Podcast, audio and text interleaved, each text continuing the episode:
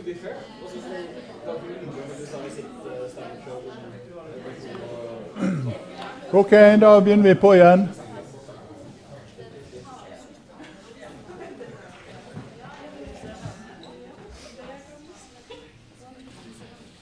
Først skal jeg korrigere meg sjøl. Det var en våken tilhører her som hadde lest pensumartikkelen, som arresterte meg når jeg sa at Ahmadiyya-muslimene sin og senere nyreligiøs eh, spekulasjon eh, innebar at Jesus døde i Nepal. Det var ikke i Nepal, det var i Kashmir.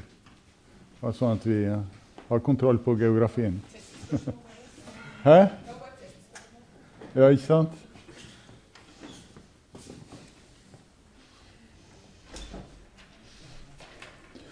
Yes, Da går vi tilbake til eh, tekstene. Vi så på det verset som tilsynelatende fornekter korsdøden.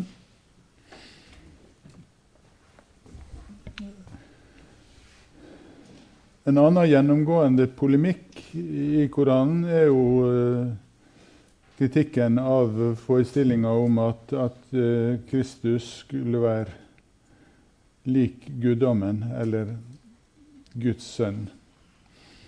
Og I de passasjene som, som uh, kritiserer denne forestillinga, så ser vi også at de kristne kan bli kalt uh, vantro, altså kofar. Vantro er de som sier 'Gud er Kristus, Marias sønn'. Men Kristus sa 'Dere Israels barn, tilbe min Herre og deres Herre'. Spørsmålet er her hva er, det ut fra den historiske konteksten at Koranen kritiserer? Og Da peker mange på at det som kritiseres her, er den såkalte monofysittiske kristologien, som en del av dere nå vil bli fortrolig med på et annet studieemne, 1001. Uh, altså En retning innenfor en urkristne dogmeutviklinga som i hvert fall ble kritisert for å sette likhetstegn mellom Kristus og Gud. Mens klassiske, det klassiske urkristne dogmet er jo at Kristus er å forstå som én person med to naturer, en menneskelig og en guddommelig. Mens monofysitismen da går, blir kritisert for å gå for langt i å framheve Kristi guddommelige natur, og at det, særlig monofysitismen Koranen da går i rette med. Og Det gjør den i flere passasjer. Eh, et annet vers eh, fra, fortsatt fra Sure 5.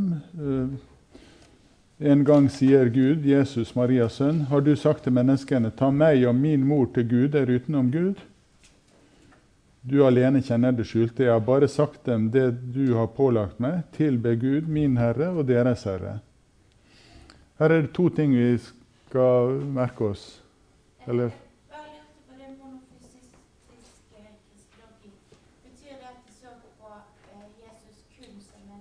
Ja, At den guddommelige naturen så å si oppslukte den menneskelige.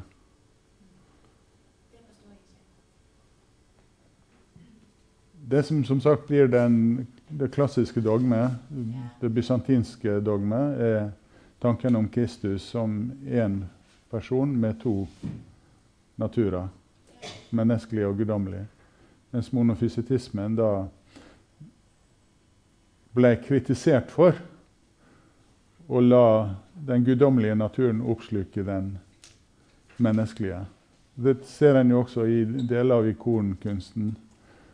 Eh, hvordan Kristus blir fylt med et guddommelig lys på en slik måte at han ikke lenger er helt gjenkjennelig som et, et menneske.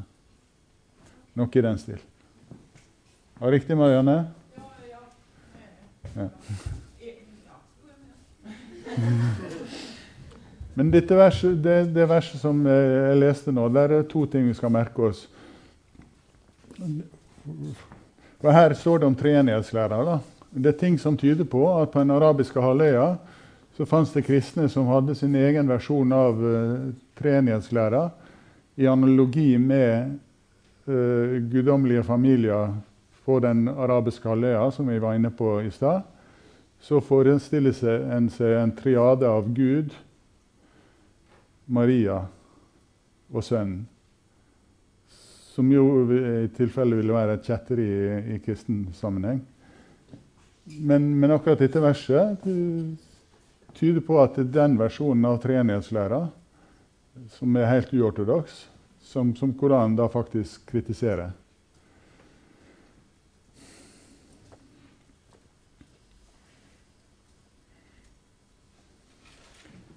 Og når Jesus eh, avviser denne tanken, så, så, formulerer han seg på en måte som programmatisk underordner Jesus. Eh, eller der Jesus framstilles som, som underordna Gud. Jeg har bare sagt dem det du har pålagt meg, tilbe Gud, min Herre, og deres Herre. Som er understreking av Jesu menneskelighet. Som underkaster seg Gud, som alle andre mennesker bør, hvis de vil være gode muslimer. Jeg bare tar med et hint her at selv i det mest opphøgde evangeliet, Johannes-evangeliet, med sin metafysiske orientering, har formuleringer som ikke er helt ulike eh, det som vi her ser i, i Koranen i avskjedstalene til disiplene i Johannes evangeliet, så kan f.eks. Jesus si at uh, jeg farer opp til ham som er min og deres Gud. Bare som en tankestiller, og at du ikke skal gjøre uh, motsetningene mellom det nytestamentlige og det koranske bildet av Jesus altfor uh, for, entydige. En der formaning, dere som har mottatt Skriften, overdriv ikke i deres religion. Si ikke om Gud annet enn det som er sant. Messias, Jesus, Marias sønn, var bare et Guds sendebud, og hans ord, som han innga Maria, en ånd fra ham. Dette er et veldig interessant vers, fordi det bruker noen titler om Kristus som, som som ellers hører til det en kaller den høye kristologien i Nytestamentet. Igjen Johannesevangeliet, det første kapitlet, prologen til Johannesevangeliet, som nettopp snakker om, eh, om eh, Kristus som Guds ord fra evighet, logos. Og også i Koranen så ser vi at Kristus får, får tittelen Ordet.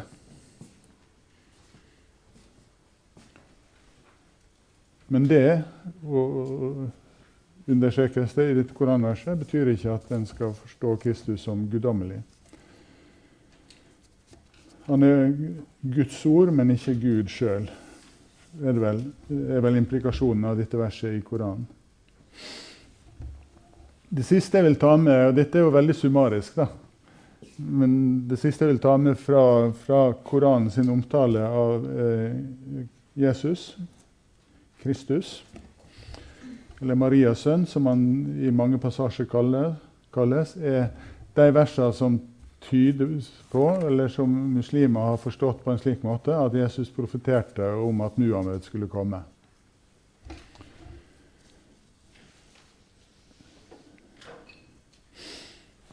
En gang sa Jesus Marias sønn, Israels barn. Jeg er sende, Guds sendebud til dere for å stadfeste loven som foreligger før meg, og bebude et sendebud som kommer etter meg, hvis navnet er Ahmed. Ahmed har da den samme verbalrota som Mohammed. HMD. Som i begge varianter betyr noe i retning av den lovpriste.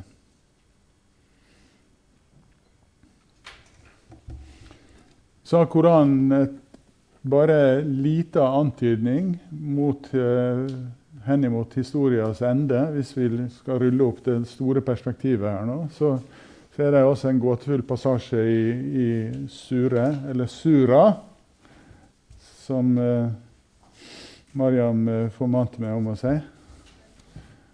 Sura, Sure Einar Berg snakker om Sure i sin oversettelse. men... Uh, Kanskje skal vi bruke den tekniske termen på arabisk sura. Det er ett vers i den 43. suraen eh, der det står at Jesus, Marias sønn, utgjør kunnskap om timen. Og i koransk eh, vokabular så er timen ordet for eh, dommedagen. Så da har vi et komplett bilde her, nesten komplett bilde av Jesus som eh, muslim. Som også peker framover mot uh, Muhammed. Hvordan skal alt dette bekreftes? Jo, det skal bekreftes når Jesus ved tidenes ende kom igjen. Det står det ingenting om i Koranen, men da må vi venne oss til ord om Jesus i hadith-samlingene, som har rikholdige eh, passasjer om Jesu gjenkomst, inkludert uh, nøyaktige beskrivelser av hvordan Jesus så ut, slik at alle skal kunne kjenne han igjen når han uh, kommer tilbake. Var det sånn at Jesus skulle vende tilbake ved dommedag? eller Ja, som et varsel om dommedagen da, er det jo nærliggende å tolke det aktuelle koranverset. Det er altså kortforma av det som uh, står om Jesus i hadith-samlingene, det, er da, som jeg har sitert, at ved hans gjenkomst uh, ved den siste tide, så skal Jesus bryte sund korset. Han skal drepe alle grisene. Og så skal ikke det lenger finnes noen eh, minoritetsskatt, jizya,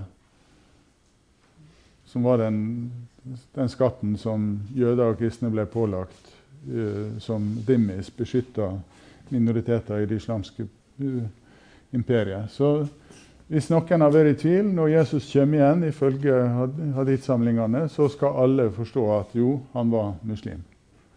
Han, drev, han bryter sin korset, han dreper grisene. Og han opphever minoritetsskatten fordi alle de kristne da vil følge Jesus og vende seg mot Mekka sammen med Jesus i bønn.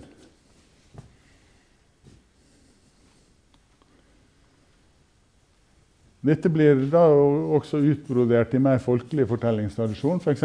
så er det en sterk syrisk tradisjon om at Jesus skal stige ned ved den siste tide i den såkalte uh, Jesus-minareten i Damaskus på,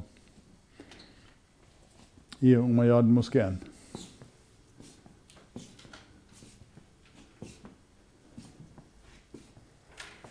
Noen som har sett han live? Ikke Jesus, altså, men minareten. Staselig minaret.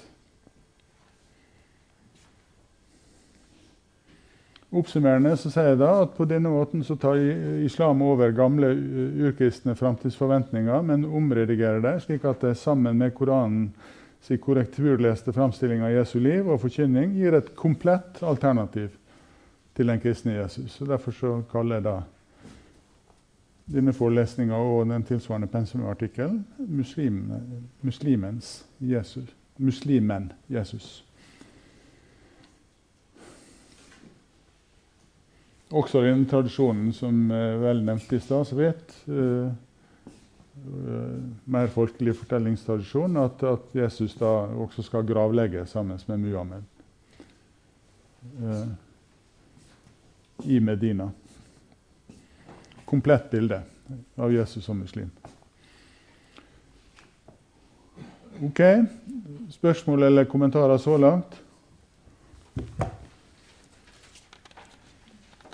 Da haster vi videre. Nå må ikke det som jeg har sagt så langt, misforstås dit hen at, at det fins liksom ett bilde av Jesus. Det fins en mangfoldig resepsjon av Jesusskikkelsen innenfor islam. Og nå har vi sett litt på Koranen og Hadith, men det fins også en egen resepsjon innenfor det jeg kaller folkeislam, innenfor sufismen, innenfor shia-islam. Og det fins moderne Jesus-resepsjoner som enten er polemiske eller dialogiske. Jeg håper å kunne gi eksempel på, på alt dette. Hvis vi speeder opp litt, så tror jeg det skal gå bra. Her har vi et bilde av uh, Norges mest kjente verdensevangelist, Arild Edvardsen, som døde i 2008. Og som på slutten av sin karriere holdt store kampanjer i, i muslimske, den muslimske delen av verden. Dette er fra evangeliseringskampanje i Pakistan. Det, det, var jo et under i seg sjøl at han fikk lov til å holde slik kampanje. Men det var fordi han, han greide å bygge et tillitsforhold til noen sentrale islamske lærde. To av dem sitter her, og hva er det de holder på med? De sitter med åpne hender, de ber sammen. Norsk pinsevenn og to pakistanske ganske konservative muslimer sitter og ber sammen. Og, og, som dere ser, det de har bedt, det de har bedt Arild Edvardsen om å gjøre, er å be for deres helse. For de har da begge sykdommer som de sliter med. Og har forventninger til Arild Edvardsen som en representant for Jesus at uh, han også kan forvalte helbredende krefter. Som er en sentral forestilling i det en kan kalle folkelig fortellingstradisjon innenfor uh, islam.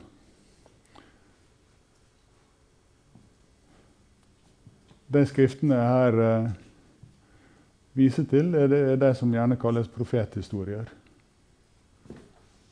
Kryssas eller NBA. Historier om profetene. Der det lille som Koranen antyder om Jesus som mirakelmann, utbroderes i, i, i, i ganske stor uh, detalj. Men og Det er nettopp dette bildet som kanskje har fått uh, det sterkeste nedslaget i tradisjonelle muslimske eh, kulturer. Jesus som helbreder med representanter som kan forvalte den samme helbredende krafta. Helt tilsvarende for øvrig den forventninga som folk i slike tradisjonelle kulturer har til sufi-helgene Og, og, den krafta som, som, er tilgjengelig ved deres gravsted. Hva slags retning er det de karene kommer fra? Jeg vil er nokså sikker på at begge er fra Barelvi-bevegelsen i Pakistan.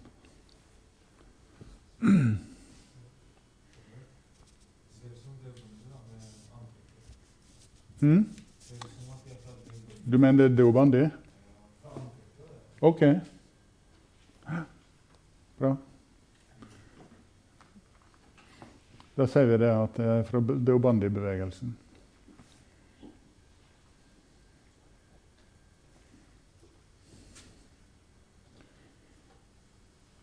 Ja, I disse profethistoriene det er ganske fascinerende å lese. Det er også det, det er mirakel på, på mirakel. F.eks. Eh, når Jesus spiser, spiser, fisk med disiplene sine nede ved stranda. Så først så spiser de fisken, og så kaster de eh, beina ut i, i, sjøen igjen. Og så kommer det kjøtt på beina, og fisken er sprell levende og kan spises en gang til. Den type historie. Det er noe med eventyret sin magi her, og den folkelige appellen som eventyr har.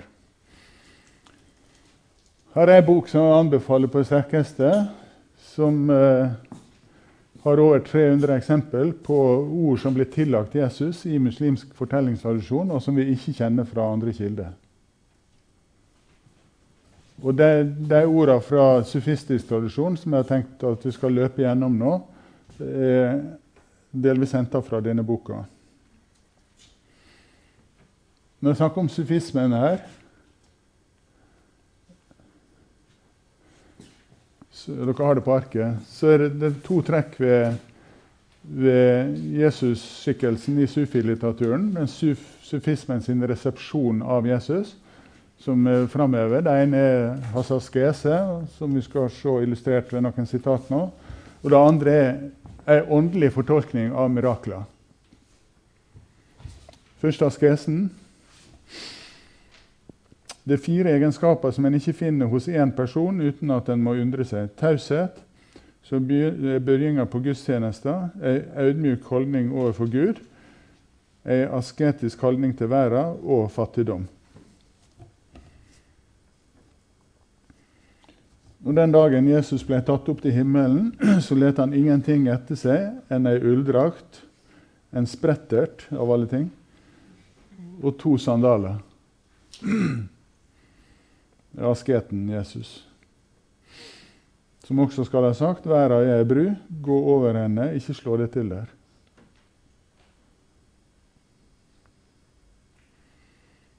Han som søker denne verda, er like en som vil drikke av havet. Dess mer han drikker, dess tørstere blir han, til det tar, til slutt tar livet av han.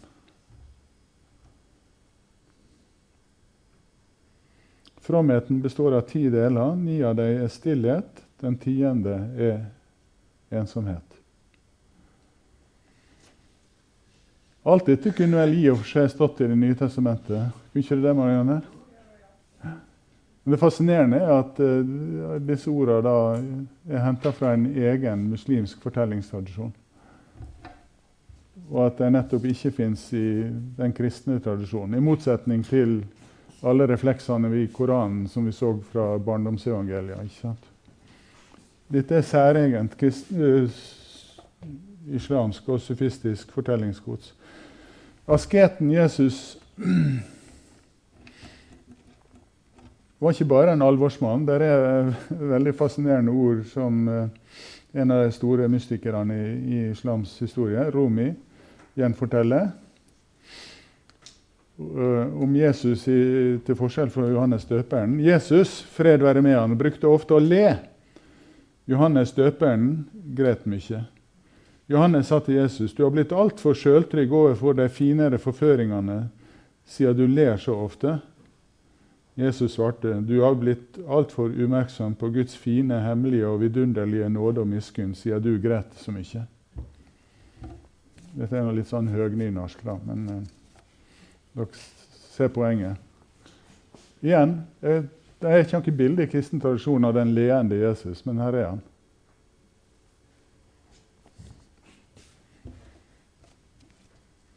Og så er det litt eh, som også er sentralt trekk ved den sufistiske resepsjonen av Jesus, at mirakler tas i åndelig mening. For en sufi så er det for banalt med, med fisker som får trylla på uh, kjøttet igjen. Og også det som Koranen sier om at Jesus uh, fikk vekte opp uh, døde til live igjen, mener en sufi må tas i åndelig mening. Og det som Jesus er mest redd for, eller strever mest med, uh, ifølge sufilitteraturen, er folks alminnelige idioti. Herren ga meg makt til å bringe døde tilbake til livet, og la de blinde få syne, og la de døve få høre, men han ga meg ikke makta til å helbrede en dåre. Så det, det er en mye vanskeligere oppgave. Og så den metaforiske tolkninga av, av mirakler. Åndene, etter sin opphavlige natur, har den livgivende anden til Jesus. Når noen spør deg hvordan vekte Jesus opp de døde, så gi meg et kyss mens han ser på. Slik. Og en tilhørende forestilling om den livgivende pusten, som vekker de åndelige døde til live igjen.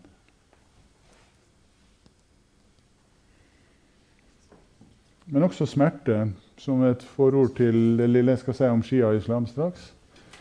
Uh, igjen Romi. Spor av uh, personen, kan en kanskje si. Det er smerte som leder mennesket i alt det har føre seg. Vi har alle en Jesus inni oss, men han kan ikke bli født før fødselsveene gjør seg gjeldende. Mm. Shia-islam har sin egen resepsjon av Jesus. Eh, du har ikke vært tid til å bruke så, så mange minutter på det. Eh, men det en kan si generelt om uh, sjiamuslimsk fortellingslitteratur om, om, Jesus, er at det er større åpning for pasjonshistorier. Og det har nok med grunnfortellinga i shia-islam å gjøre, at shia-islam på mange måter bygger på Husseins uh, martyrium. Og at det i shia-islam er en større åpenhet for lidelsens guddommelige betydning enn det en vanligvis finner i sunni-islam. Som gjør at deler av personshistorien til, til, Jesus altså kan gjenfortelles på en upolemisk måte i, i sjiamuslimsk eh, sammenheng. Og jeg siterte en persisk poet her som, eh, som er fedd opp av alle mirakelhistoriene om Jesus i den folkelige muslimske kulturen, og syns at uh, korset er et mer meningsfylt symbol. Lined up as beggars, we reaped the sickle of each crescent, multiple harvests of poverty and hunger in the miracle fields of this uncrucified Jesus. Gi meg den korsfesta Jesus heller enn mirakelmann. Det er et mye mer meningsfylt symbol. Det er det vel han kanskje sier.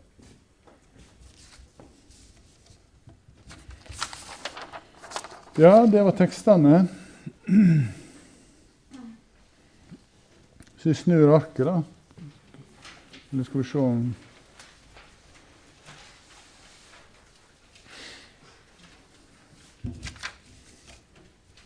Nå har jeg jo reflektert litt over hvordan en skal forstå den polemiske konteksten. Altså, det er klart Koranen leser korrektur på det kristne Jesusbildet. Det er en markert annerledes resepsjon av Jesus enn den kristne.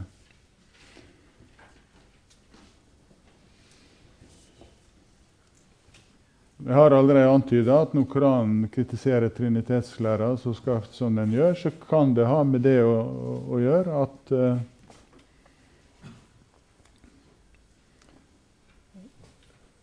At Koranen generelt eh, tar et oppgjør med alle forestillinger om guddommelige familier, og at treenighetslæra blir tolka som et uttrykk for eh,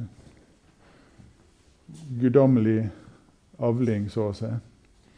Hvis det altså var slik at eh, de kristne som Koranen kritiserer på dette punktet, trodde på en guddommelig triade av Skaperen, mor Maria og Jesus, sønn så er det en annen trinitetslære enn den ortodokse som Koranen eh, kritiserer.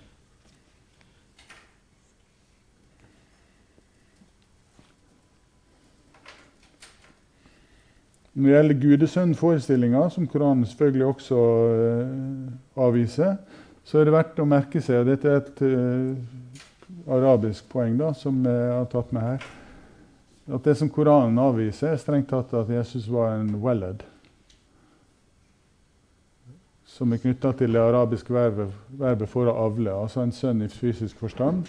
Mens det andre ordet for sønn på arabisk er jo ibn. ikke sant? Det brukes bare én gang. Mens ibn generelt kan, kan, brukes i mer metaforisk betydning. Så i den grad de kristne forstår Jesus som ibn Allah, så sønn i metaforisk forstand, og ikke som walad Allah avla av, av, Gud, i analogi med guddommelig familiemetaforer, så, vel, så, så, er kanskje de kristne ikke vantro likevel. Hvis de begrenser seg til å tro på Ibn Allah. En tanke. Det står mye mer om det i boka mi. Ja.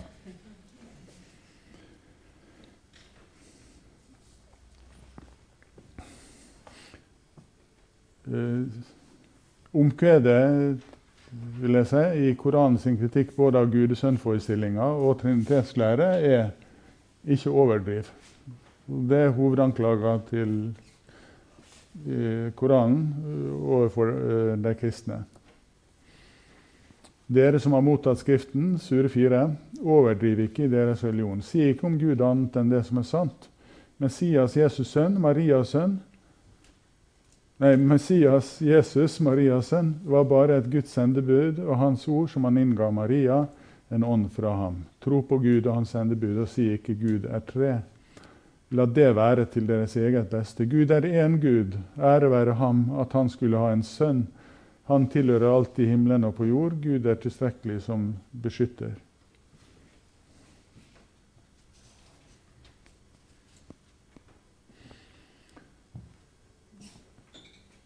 Jeg tenker at når en, skal fortolke disse ordene, så må en ta, ta høyde for at og, og, innenfor den kristne dogmeutviklinga så finnes det både det en kaller en lav kristologi, der Kristus programmatisk underordner seg Gud, og det finnes en høy eh, kristologi, type monofysitismen, der det guddommelige oppsluker det, det menneskelige, slik at Jesus ikke lenger er gjenkjennelig som et menneske av kjøtt og blod. Den spenninga ligger der i den kristne dogmeutviklinga. Og det fantes viktige bevegelser i tidlig kristen tid som uh, var kritiske til Gudesønn-forestillinga. I hvert fall hvis den blir tatt som et uttrykk for at, at det guddommelige har oppslukt det menneskelige hos, uh, hos Kristus. Eksempel, som jeg nevner, da, de oldkirkelige arianerne hevder at Jesus er skapt i tida som alle andre mennesker, og at han ikke har del i Guds vesen. At han likevel er utvalgt på en særlig måte. Hvis vi ser på de lutherske bekjennelsesskriftene, Confessio Augustana i det første kapitlet, som handler om Gud, så ser vi at de såkalte muhammedanerne kritiseres på linje med arianerne. Så hvor går egentlig grensa mellom religionene her? Eh, de lutherske fedrene gjenkjente altså et gammelt kristent kjetteri, arianismen, i, i eh, Koranen. Luther var jo en av de som sørga for at Koranen ble oversatt til europeisk språk. Var interessert i å Han var interessert i interreligiøse lesninger, kan vi godt si. Og gjenfant da det arianske kjetteriet eh, i Koranen.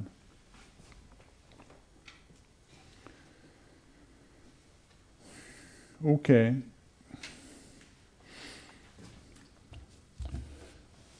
To, to eh, eksempel fra dagens resepsjon av Jesus innenfor muslimsk sammenheng. En, et polemisk eksempel, et dialogisk. Mange som har hørt om Barnabas-evangeliet? Hand, hands up. Ja? Ganske mange. Eller hadde dere hørt om det før dere leste artikkelen min? Nei. Hvor mange hadde hørt om det før dere leste pensumartikkelen min? Yeah.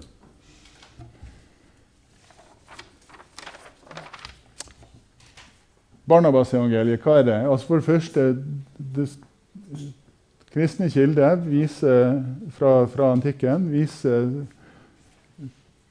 til uh, et ukjent evangelium som uh, bærer navnet til en urkristen misjonær som vi kan lese om i apostelgjerningene i Det nye testamentet, som heter Barnabas. Det evangeliet som blir tilskrevet Barnabas,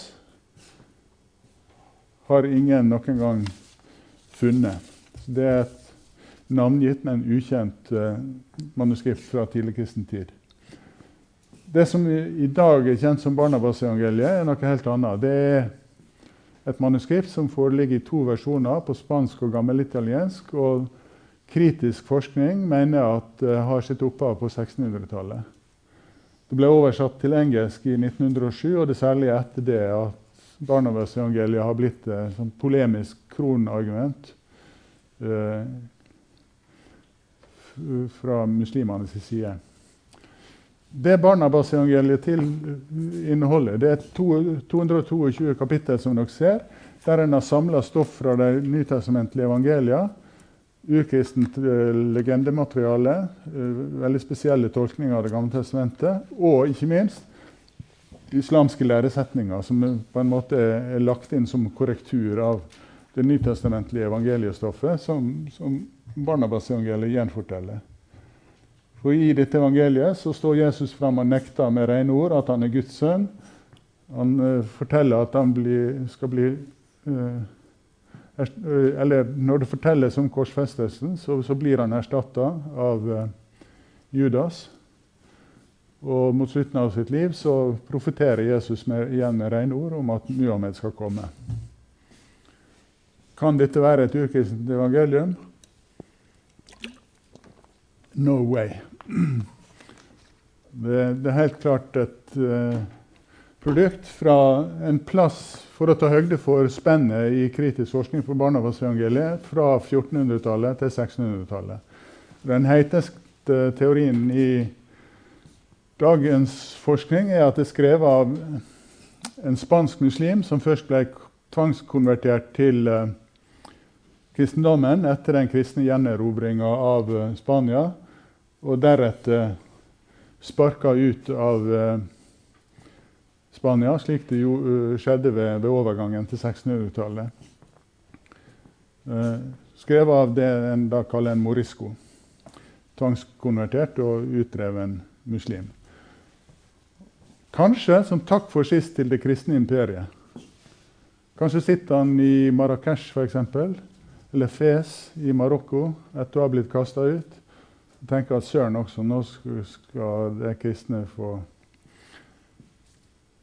høre sannheten om, om Jesus.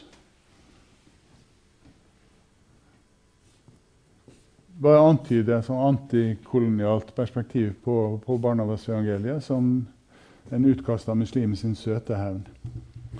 Det som er et problem i kristen-muslimsk dialog i dag, er at såpass mange muslimer faktisk på ramme alvor mener at dette er et urkristent evangelium.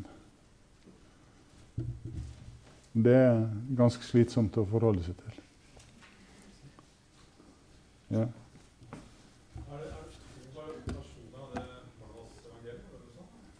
Jo, men den første versjonen er det ingen som har sett. Altså Nærmere bestemt så i, i, i urkristendommen, så, eh, eller tidlig kristen tid, så ble det satt opp såkalte kjetterlister, liste over kjetterske skrift, som da ikke kom med i Det nye testamentet. Og på en av de listene så står det liksom Barnabas evangeliet. Men ingen har noen gang sett det evangeliet. Til da denne moriscoen fikk den geniale ideen på, ved overgangen til 1600-tallet at nå tar vi og skriver et Barnabas-evangelium. Som han da gjorde. Ja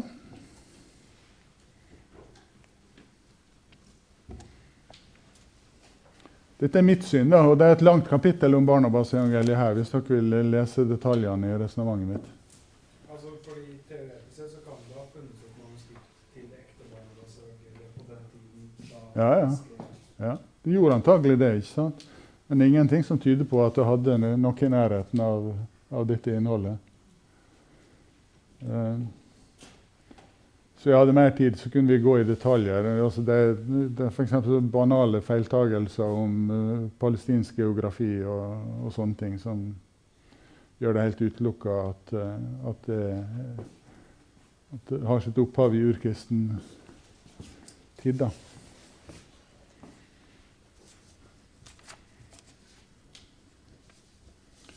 Ja uh,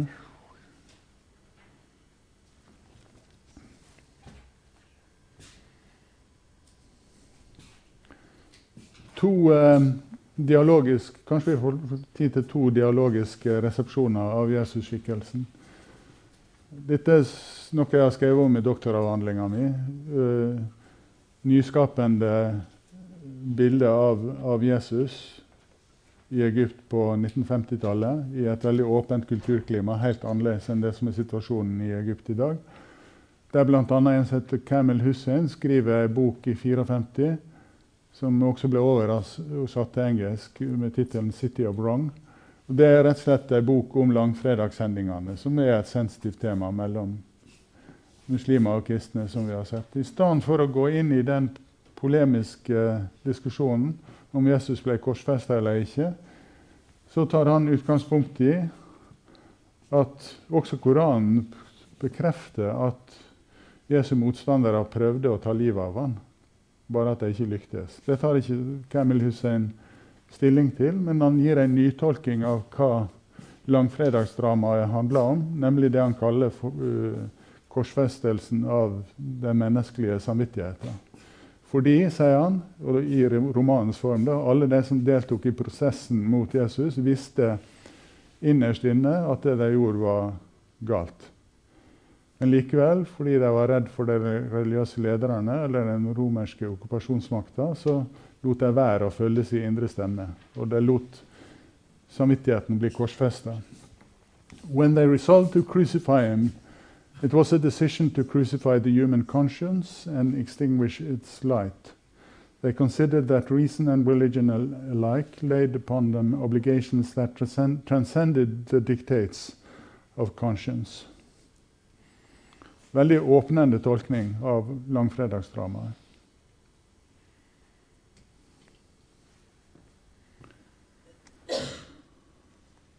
Ja, dette er også egyptiske forfattere fra den samme tida som jeg,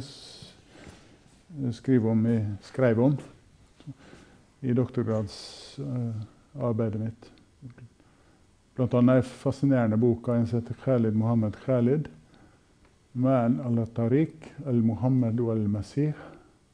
Sammen på veien Muhammed og Kristus. Der det tegnes et bilde av disse to i et felles forsvar for både den individuelle og den sosiale samvittigheten. Og Abbas Mahmoud al-Aqad i en bok som han kaller 'Geniet Kristus' fra 1954, karakteriserer Jesu budskap som en, en samvits- og kjærlighetssharia, som han mener kan være med på å og, gi impulser også til islamsk etikk. Bare som en antydning fra Dette er veldig lenge siden. 1950-tallet i Egypt er veldig lenge siden. Ikke bare i antall år, men også med tanke på de store endringene som har skjedd i kulturklimaet i Egypt. Men så, så åpent som dette var det kulturelle klimaet mellom kristne og muslimer i Egypt på 1950-tallet. Til avslutning. En shia-muslim, Hassan Askari, skriver en artikkel i 1972 The Dialogical Relationship Between Christianity and Islam. Hans bærende tanke, og dette har jeg oversatt eh, nynorsk, da, som dere ser, er at sitat, sanninga er at kristendom og islam utgjør et samla truskompleks'. Det ene starter med personen, det andre med ordet. De står hver for seg det at de står hver for seg, tyder ikke at de vokter sanningsområder i strid med hverandre. Det viser heller at dialog er nødvendig. De er ulike, ikke i konflikt. Og Hva er det han sikter til her? Jo, det er den ulike forståelsen av hva Guds ord er innenfor kristen og islamsk tradisjon. I islamsk tradisjon så er det boka, ikke sant? Men i kristen tradisjon er det personen Kristus som legemliggjør uh, ordet. Men dette er to komplementerende måter å forstå Guds ord på. Det er den bærende tanken hos Askari.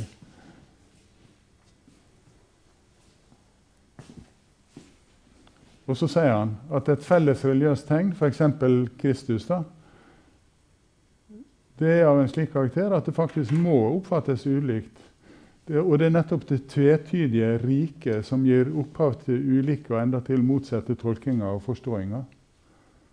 Det syns jeg er en, en, spennende tanke, som handler om hvordan en forstår et guddommelig tegn. At et guddommelig tegn med nødvendighet er så rikt at det gir opphav til ulike tolkinger, som Kristusskikkelsen har gjort i kristen og muslimsk tradisjon.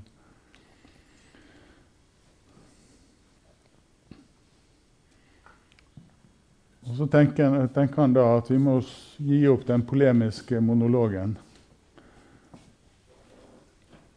Å droppe monologen er med ett å oppdage den andre. Å oppdage den andre er å oppdage selve kjerna i vårt eget vesen. De fleste av oss frykter det. Vi mobiliserer alt vi har av tro og lojalitet for å holde distanse til denne kjerna. Og så er han jo sjiamuslim, og derfor så tar han også med noen refleksjoner om det smertefulle ved et guddommelig tegn. For den andre, den som tror helt annerledes om Kristus i dette tilfellet, den andre er smerte et stikk, et bitt. Men det er en smerte i og av vårt eget vesen. Det er midt i denne smerten og angsten at et guddommelig tegn blir kjent.